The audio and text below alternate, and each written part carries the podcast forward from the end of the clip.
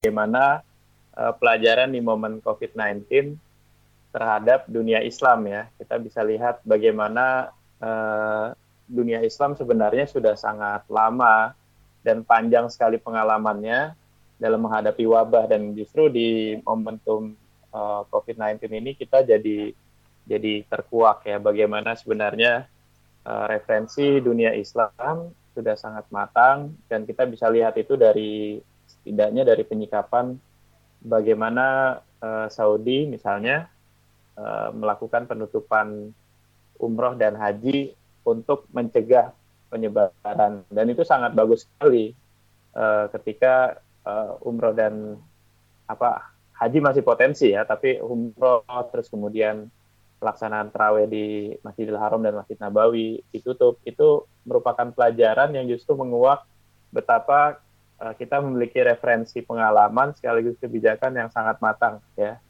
ya terkait dengan uh, penanganan wabah ya.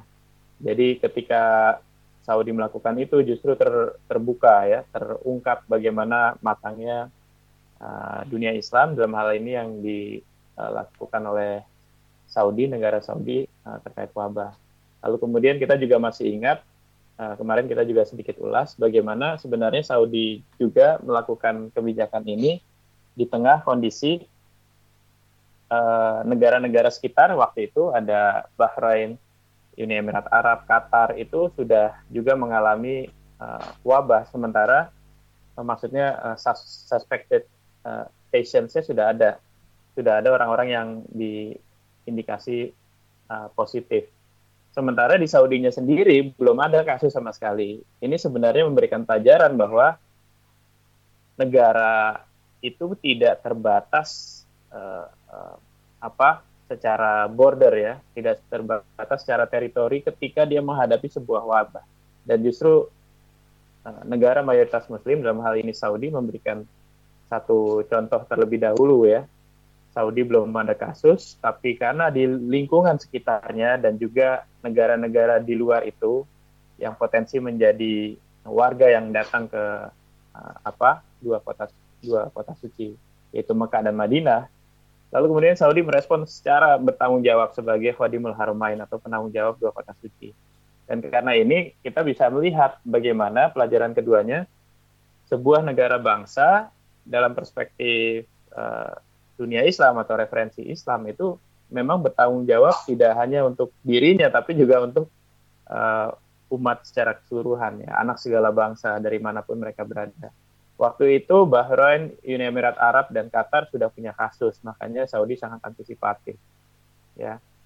Apalagi Iran pada saat itu juga sangat tinggi angkanya ya, sudah sangat tinggi.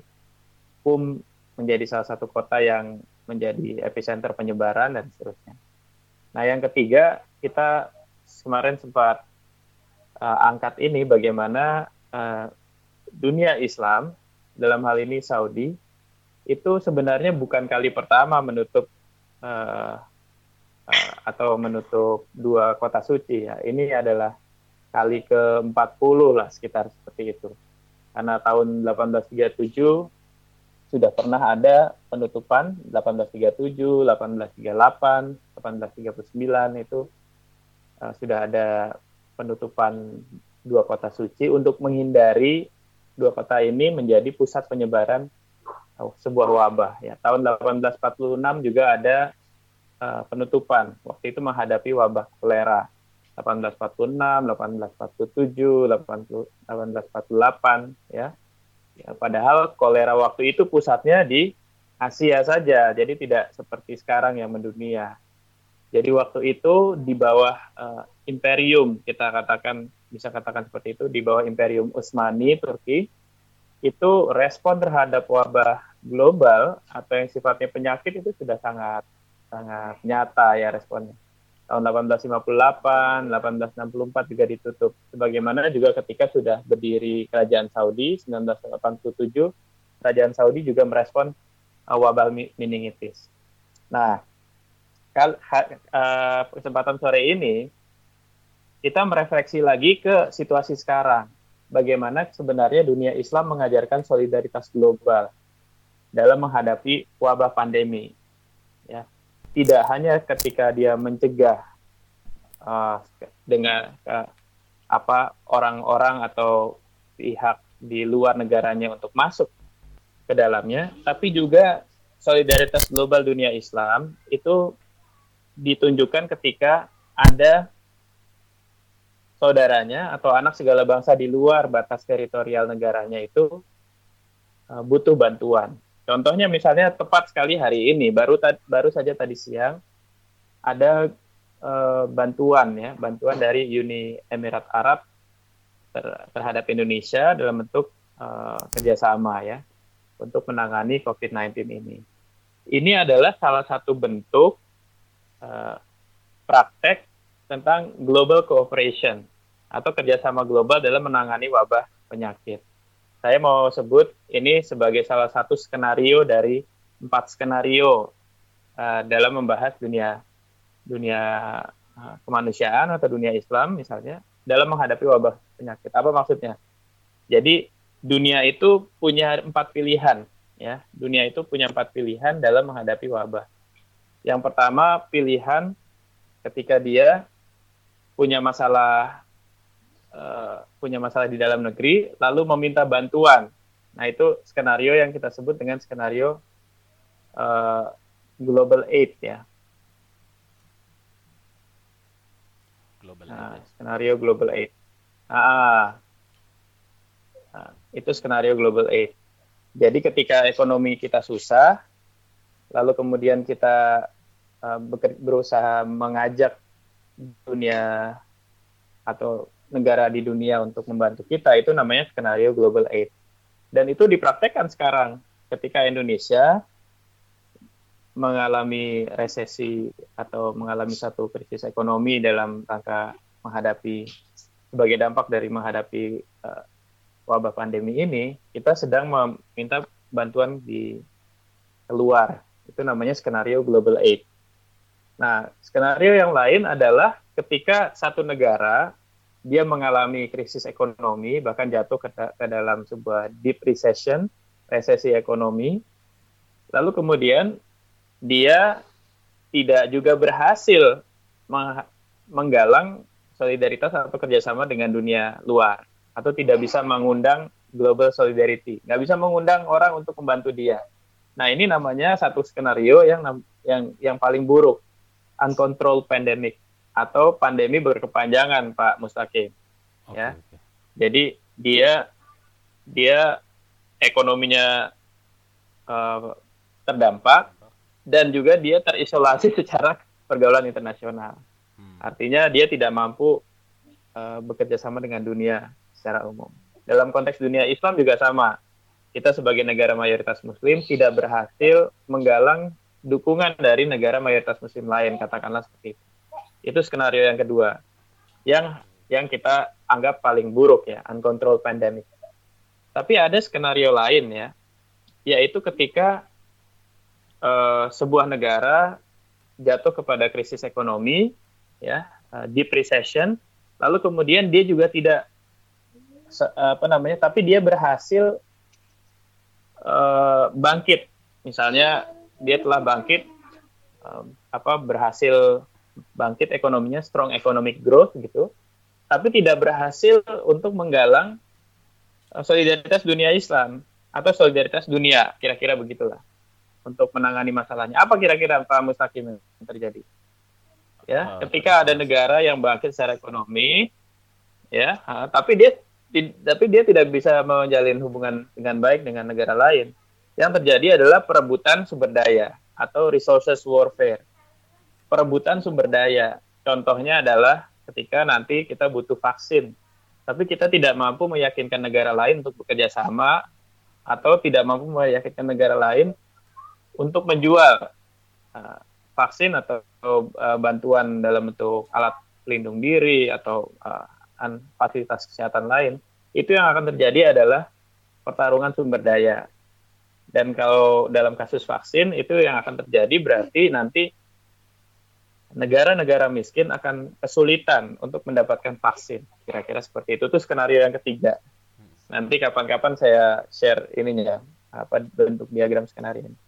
Nah, skenario yang sebenarnya diajarkan dalam referensi Islam atau yang seharusnya menjadi praktek dari dunia Islam atau kita sebagai warga dari negara mayoritas Muslim adalah dia melakukan skenario global solidarity, Pak Mustaqim. Okay. Jadi pertama pada masa-masa sekarang itu dia life sustaining, dia mempertahankan nyawa dan keselamatan dari warga negara dan umat.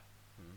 Di masa-masa kebangkitannya, dia membangkitkan ekonomi karena ada apa solidaritas dalam muamalah tapi juga secara kebijakan tumbuh sebuah solidaritas global. Nah, inilah yang dimaksud dengan uh, apa bagaimana referensi Islam mengajarkan kita mempraktekkan hubungan internasional kira-kira gitu dalam menghadapi wabah pandemi. Jadi, kita melakukan sebuah skenario namanya global solidarity. Global solidarity berarti dia berhasil lulus dari wabah pandemik, lalu kemudian membangkitkan ekonominya karena ada kebersamaan, strong economic growth, di sisi lain dia juga menjalin kerjasama global, global corporation, ya, okay. sebagaimana standar-standar kerjasama hubungan nasional. Nah, hari ini kita baru saja menyaksikan bagaimana Indonesia salah satunya sedang bekerja sama dengan Uni Emirat Arab. Mungkin nanti ada negara lain lagi. Dan ini bagian dari salah satu contoh uh, skenario antara global aid atau bantuan global dengan uh, global solidarity. Kira-kira gitu, Pak Mustaqim. Oke bang, pelan-pelan dulu bang. Ini ada empat poin, kayaknya uh, perlu oh, dikunyah pelan-pelan dulu ini bang. Jadi ada empat skenario. Tadi yang kalau yang paling buruk tadi yang nomor dua bang ya. Jadi satu negara mengalami krisis, tapi dia tidak berhasil membuat kerjasama dengan eh, negara-negara uh, lain gitu ya. Kalau yang terbaik tadi yang nomor empat yeah. ya, yang global solidarity tadi ya. Dia membangkitkan ekonomi, betul. Bukan solidaritas. Yeah. Oke. Okay. Terus kalau boleh ya. tahu nih bang sebelum kira-kira, mm -hmm.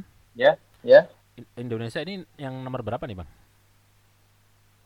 Jadi tadi saya mulai dari uh, skenario global aid hmm. karena Indonesia kira-kira dalam kondisi sekarang itu di skenario itu hmm. kita ekonominya sedang terdampak hebat uh, akibat wabah pandemi ini ya kan orang banyak di PHK terus kemudian uh, ekonomi makronya juga ambiar gitu tapi di sisi lain kita bisa uh, masih bisa melaksanakan kerjasama internasional. Tapi sebenarnya kalau kita sudah ekonominya ambiar gitu, lalu tidak berhasil melaksanakan uh, diplomasi atau komunikasi dan kerjasama internasional, kita jadi nanti tergeser ke skenario yang kedua tadi, uncontrolled pandemic. Hmm. Pandemi berkepanjangan yang tidak bisa dikendalikan dampaknya. Sudah ekonominya ambiar, hubungan kita terisolasi karena tidak mampu berkomunikasi dengan dunia internasional, maka itu skenario yang paling buruk, yang skenario kedua. Ya. Sementara skenario yang ketiga itu adalah ketika kita kondisi uh, ekonominya membaik nanti, ya, tapi dia tidak mampu berkomunikasi dan mengajak atau mengundang dunia internasional untuk membantu atau melakukan kerjasama. Itu juga nggak bagus, Pak Mustaqim. Oke. Okay. Yaitu ketika dia ekonominya bagus, tapi nggak ada yang mau kerjasama, hmm. gitu. Entah karena apa ya, atau harga harga jual vaksin jadi sangat tinggi, misalnya lalu kita jadi tidak bisa membelinya, kan akhirnya akan terjadi yang namanya resources war, perang perebutan sumber daya. Seperti itu, Pak Mustaqim. Oke. Okay. Nah, perebutan sumber daya itu kalau kita eh, kondisi kebangkit apa pem, uh, pemulihan ekonominya nanggung-nanggung, sudah pasti kita nggak mendapatkan keuntungan dari uh, apa uh, dari situasi itu ya. Kira-kira gitu, Pak Mustaqim. Oke, kalau boleh tahu Bang, uh, apa ya. faktor penyebab sebuah negara itu tadi dia mampu atau tidak mengundang kerjasama uh, membuat kerjasama mengundang bantuan itu bang? Apa yang menyebabkan sebuah negara itu dia mampu atau tidaknya itu bang? Ya jadi kemampuan sebuah negara untuk menggalang uh, negara lain ya memperbaiki atau melakukan pemulihan uh, situasinya itu tergantung pada masa-masa sekarang ini juga ya pada masa-masa sekarang ini. Contohnya begini. China sekarang sedang sangat gencar menawarkan bantuan termasuk bantuan uh, apa personal protective equipment atau yang kita dikenal sebagai alat pelindung diri, terus uh, menawarkan kerjasama untuk penelitian vaksin, ya. Semua upaya China untuk menjangkau negara luar itu adalah bagian dari proses uh, dia untuk menjadi uh, pemimpin di kawasan dan juga pemimpin global gitu, Pak Mustakim. Jadi global solidarity itu bisa dua, bisa kita yang ngajak, bisa kita yang mimpin atau kita ikut, kira-kira gitu. Tapi rep, uh, uh, negara seperti China yang punya kapasitas sebesar itu juga punya hambatan dalam membangun global solidarity. Apa Pak Mustaqim? Yaitu ketika China dipersepsi oleh dunia sebagai sumber penyebaran pertama kan begitu, iya, iya. ya kan? Justru uh, justru hambatannya di situ. Jadi apa tadi seperti Pak Mustaqim tanya, apa kunci untuk berhasil dalam menggalang solidaritas global menghadapi pandemi ini sebuah negara? Yang pertama reputasi dia, apakah dia menjadi pusat masalah atau dia pusat solusi. Yang kedua tentunya kapasitas diplomasi, uh, bagaimana dia merawat hubungan antar negara yang sudah pernah ada gitu. Contoh lain selain China, misalnya uh, negara seperti Amerika Serikat Amerika Serikat mungkin tidak dipersepsi sebagai pusat penyebaran masalah, apa pusat penyebaran atau epicenter wabah pandemik seperti China, tapi Amerika Serikat reputasinya tidak terlalu baik dalam hal melandaikan kurva kasus yang ada di dalam negerinya, gitu Pak Musakin. Ya kan? Sekarang Amerika paling tinggi. Hmm. Nah, kasusnya itu tinggi banget, ya. Amerika Serikat, UK, Iran itu secara reputasi sangat tidak menguntungkan. Sehingga ketika dia mau ngajak kerjasama, loh kamu sendiri urusanmu gimana di negara kamu gitu loh ya kan? Kok mau ngajak kerjasama gimana kan? Iya. Misalnya dia menawarkan bantuan, tapi mungkin dia bisa dalam posisi dia meminta bantuan, jadi tergantung.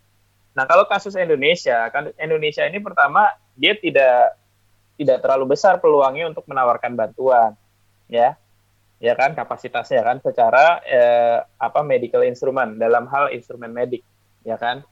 Nah, peluangnya peluang dia untuk mendapatkan bantuan atau dukungan kerjasama itu yang yang harus bagus ya. Misalnya dengan mempertahankan uh, transparent and crucial approach pendekatan yang transparan dan menganggap apa setiap proses adalah penting itu biasanya akan sangat membantu. Terus juga bagaimana pelaksanaan uh, PSBB sekarang, apakah mampu melandaikan kasus-kasus uh, apa kurva yang menaik sebelumnya, itu juga sangat menentukan.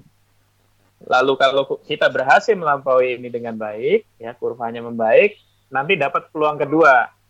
Ya, kalau reputasinya baik, tidak terlalu besar kasusnya, dia dapat peluang kedua yaitu berkontribusi kepada negara lain. Seperti beberapa negara yang dianggap sukses, Taiwan, Korea Selatan, uh, Jerman itu kan punya peluang di masa pasca COVID ini menjadi pemimpin dari solidaritas global itu, Pak Mustaqim. Jadi orang kadang berpikir uh, ini sekedar masalah lokal, oh enggak, sumber sumber penyakitnya saja dari dari luar negeri kita dan ini sudah menjadi uh, apa penyakit global. Sudah pasti bagaimana keberhasilan sebuah negara melampaui masa-masa ini akan menentukan posisi dia di masa depan di tingkat global, siapa pun negara mana pun. Gitu Pak Mustaqim. Oke. Saya jadi teringat kayak perang dunia kedua nih, Bang. Perang uh, ya. itu kan kayak apa namanya? musibah global gitu kan. Tapi setelahnya itu muncul mm-hmm. pemimpin-pemimpin baru dunia gitu kan, Bang. Nah, apakah Betul. wabah, wabah Covid yang pandemik ini mirip-mirip seperti itu, Bang? Betul banget. Iya betul. Perang Dunia satu juga kan satu abad yang lalu hmm. kita lihat bagaimana blok sentral dan blok, blok sekutu pertarungannya menentukan kan iya. siapa pemimpin dunia setelahnya gitu. Perang Dunia juga dua juga seperti itu. Perang dingin masa pasca Perang Dunia dua itu kan perang dingin. Perang dunia perang dingin juga sangat menentukan kan siapa yang berakhir dalam perang dingin lalu kemudian pemenangnya dia menjadi pemimpin dunia. Nah, sesungguhnya pasca Covid ini sangat ditentukan oleh bagaimana proses kita menghadapi masa COVID-19. Siapa yang berhasil menanam reputasi baik dalam penanganan uh, internalnya dan siapa yang dalam masa-masa sulit dan prihatin tersebut terus berhasil berkomunikasi, berdiplomasi dengan dunia internasional, ya dalam konteks temanya bahwa radio ini berarti tentang apa diplomasi dunia Islam itu uh, sangat menentukan bagaimana dia nanti di masa depan. Turki salah satu negara mayoritas Muslim yang sangat aktif sekarang ini mengambil peran uh, global solidarity untuk me menawarkan ya bantuan menghadapi global pandemic COVID-19 ini. Gitu. Oke. Ya. Iya. Oke. Ada ini? Sebentar saya cek dulu. Oh baru masuk satu pertanyaannya. Oh ini. Pertanyaannya ada rekamannya enggak nih? Oh. Insya Allah ada rekamannya di kalau para pendengar sekalian lagi buka halaman web kohwaradio.com itu ada uh, tiga icon. Nah sebelah kiri itu kalau diklik itu dia akan ngelink ke uh, koleksi di situ di Anchor. Jadi ada lambang uh, tiga icon di bawah. Nah klik yang paling kiri nanti akan dilinkkan ke uh, apa URL untuk uh, mengakses rekaman-rekaman yang uh, telah dibuat seperti itu. Lanjut bang, ini baru seperti itu pertanyaannya. oh gitu ya. Oke. Okay, ya. Oke. Okay. Ah, yang nah bentar. Ini kalau ada pertanyaan di IG live boleh saya jawab nggak? Boleh, boleh, boleh. Silakan, Pak. Kalian.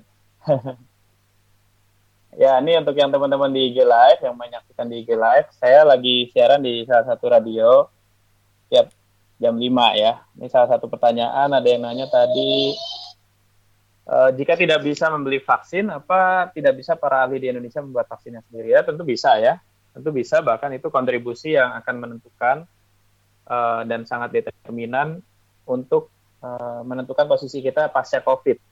Tadi saya sebut ya tentang uh, skenario pasca COVID ya dalam empat skenario.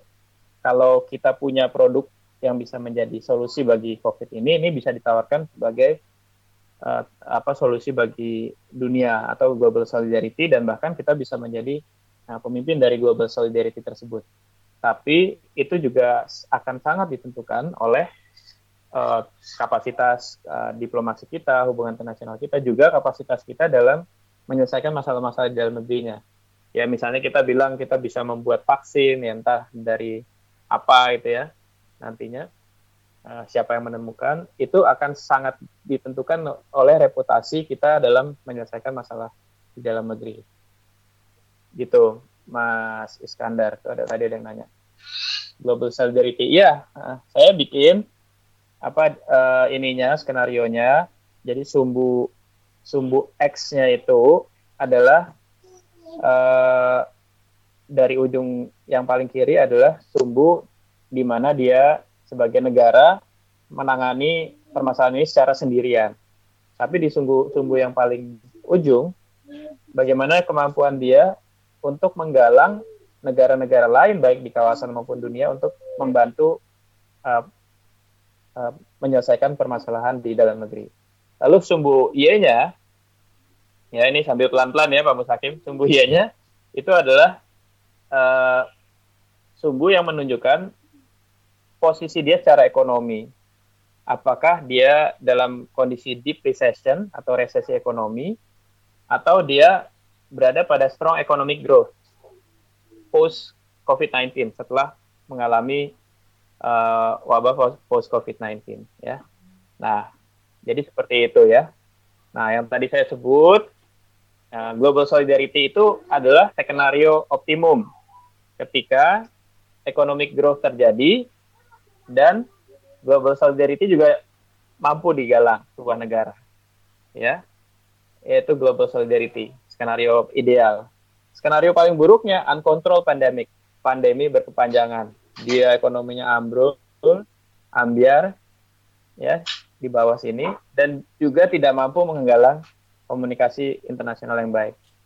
Tapi posisi Indonesia sekarang ini ekonominya sedang uh, terganggu.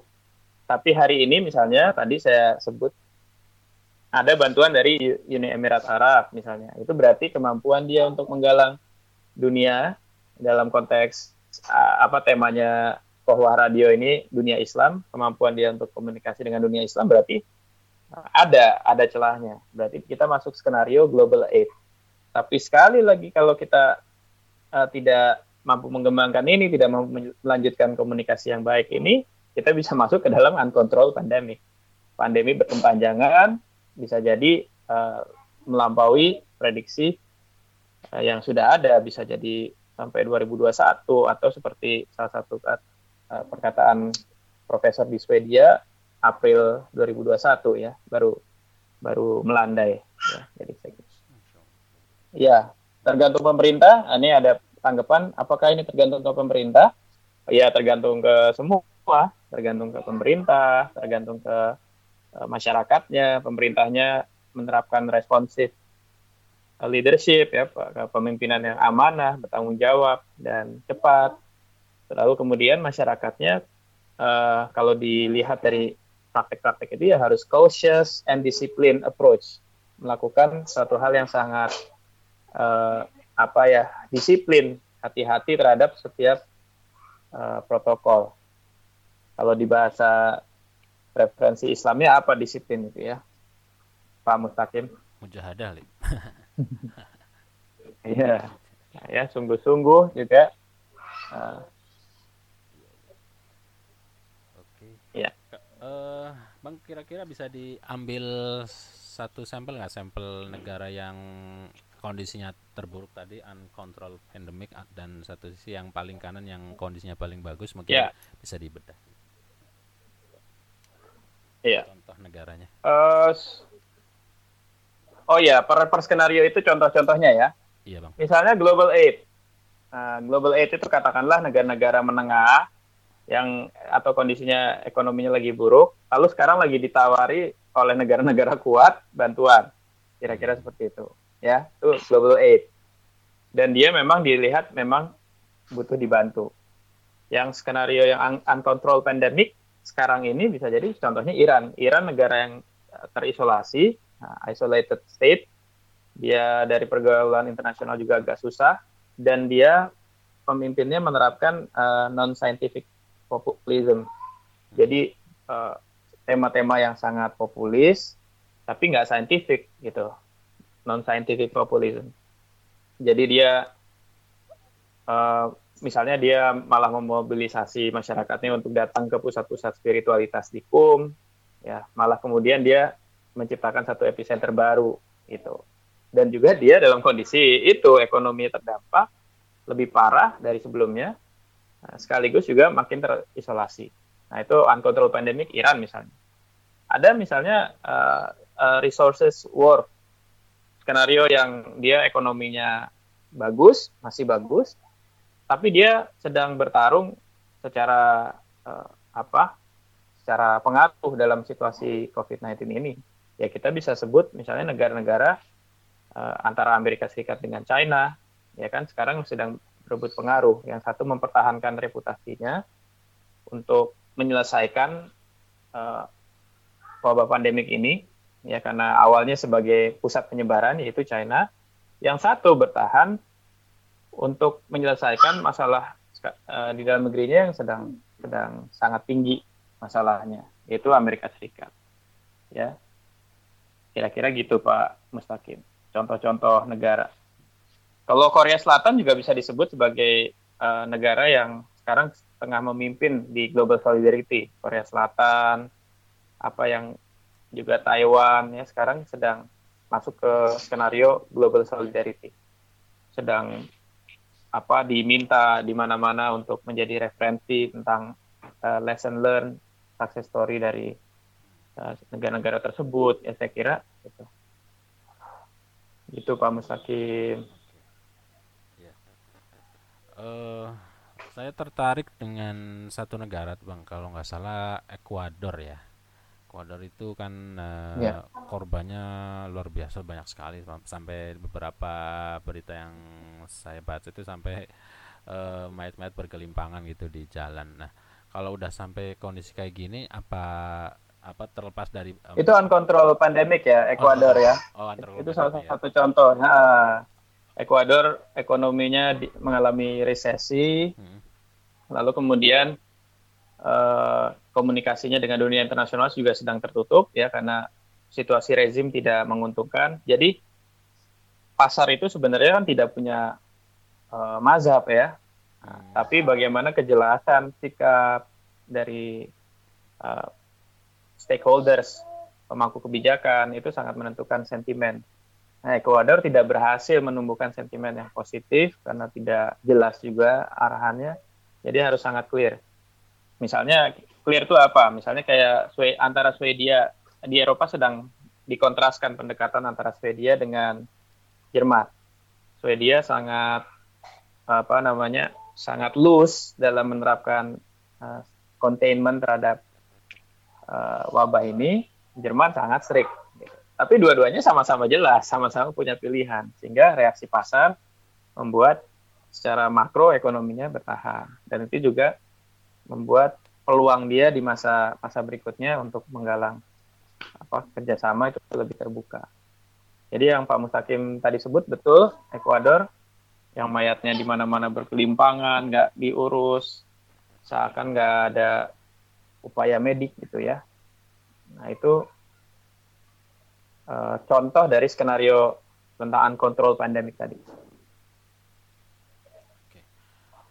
Uh, kalau saya bandingkan nih bang, kayak misalkan uh, sebuah negara yang apa, uh, misalkan korban perang gitu, seperti let's say uh, kayak Uighur atau Palestina gitu, uh, itu kan tanpa apa ya seolah-olah itu ada aksi solidaritas alami yang muncul di global nih bang ya. Kemudian dia secara seperti terorganisir mampu memberikan kontribusinya kepada mereka. Nah saya melihat uh, tadi negara Ekuador ini uh, kalau sebatas pengamatan saya ini kan ini kayaknya yang parah banget dalam penanganannya sampai terberkelimpang apa kira-kira uh, kenapa tidak sampai uh, aksi solidaritas ataupun apa namanya sisi sisi-sisi kemanusiaan yang kemudian muncul simpati gitu dan gitu itu uh, bagaimana itu bang? Iya, yeah. jadi memang biasanya uh, ini ini memang agak berbeda ya. Biasanya global solidarity itu datang ketika ada musibah di satu negara. Masalahnya adalah biasanya negara yang lain tidak mengalami musibah kan gitu Pak Musakif. Hmm, iya, iya kan? Iya. dalam situasi sekarang tidak ada negara yang tidak mengalami uh, uh, musibahnya. Misalnya contoh tsunami Aceh. Tsunami Aceh yang terdampak di ujung Aceh sana, ya, ujung Indonesia. Lalu wilayah lain selain Aceh itu bisa menggalang solidaritas. National solidarity, global solidarity itu lebih mudah, gitu. Hari ini tsunami-nya terjadi di semua negara. Ini global tsunami kalau bahasa saya. Lalu siapa yang akan lebih dulu selesai ya, dalam bahasa flattening the curve tadi melandaikan kasusnya, itulah yang akan menjadi pemimpin dalam global solidarity tadi. Ini pertanyaan bagus Pak Mustaqim. Gitu. Jadi siapa pemimpinnya yang paling berpeluang adalah yang paling cepat selesai dalam melandaikan kasusnya. tadi.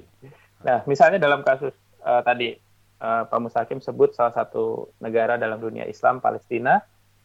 Ya masalahnya seluruh negara mayoritas Muslim sekarang itu juga mengalami ini. Tapi kita lihat negara seperti Turki, dia dalam waktu yang bersamaan dia menangani masalah di dalamnya juga, sekaligus juga me melancarkan sebuah upaya-upaya membantu negara yang lain. Dan saya kira itu salah satu peluang yang hendak dicari Turki Pak Mustaqim. Iya. Oke. Oke Bang, kalau okay. dari Kohardia sepertinya cukup barangkali okay. dari Udah ya? Oke. Okay. Nah, terima kasih Silahkan. banyak uh, Kayaknya hmm. ah. Dari IG siap, siap ada buka, ya. udah habis Bang ya pertanyaannya Bang. Uh, dari IG ada yang nanya tentang tanggapan apakah isu COVID ini konspirasi? Wah, saya saya yang saintifik saintifik aja deh. Oke oke. Okay, saya nggak main yang konspirasi. Siap siap. Nah, Baik ya. bang, sepertinya cukup ya. untuk sore hari ini. Terima kasih banyak ya. buat ya. Bang Arya atas paparannya. Ya. Selamat ya, berbuka. Terima kasih ya, semua selamat. pendengar Papua Radio ya. ya terima kasih. Assalamualaikum warahmatullahi wabarakatuh. Baik para pendengar sekalian, demikianlah uh, materi kita di hari yang ketiga Semoga bisa memberikan banyak pencerahan, banyak informasi dan banyak ilmu serta menumbuhkan kita kesadaran akan uh, pentingnya melaksanakan atau pengetahuan tentang hubungan internasional. Kami dari studio Kowa Radio undur diri. Mohon maaf atas segala kesalahan. Selamat mempersiapkan buka puasanya. Semoga Allah terima ibadah puasa kita. Wabillahi taufiq Assalamualaikum warahmatullahi wabarakatuh.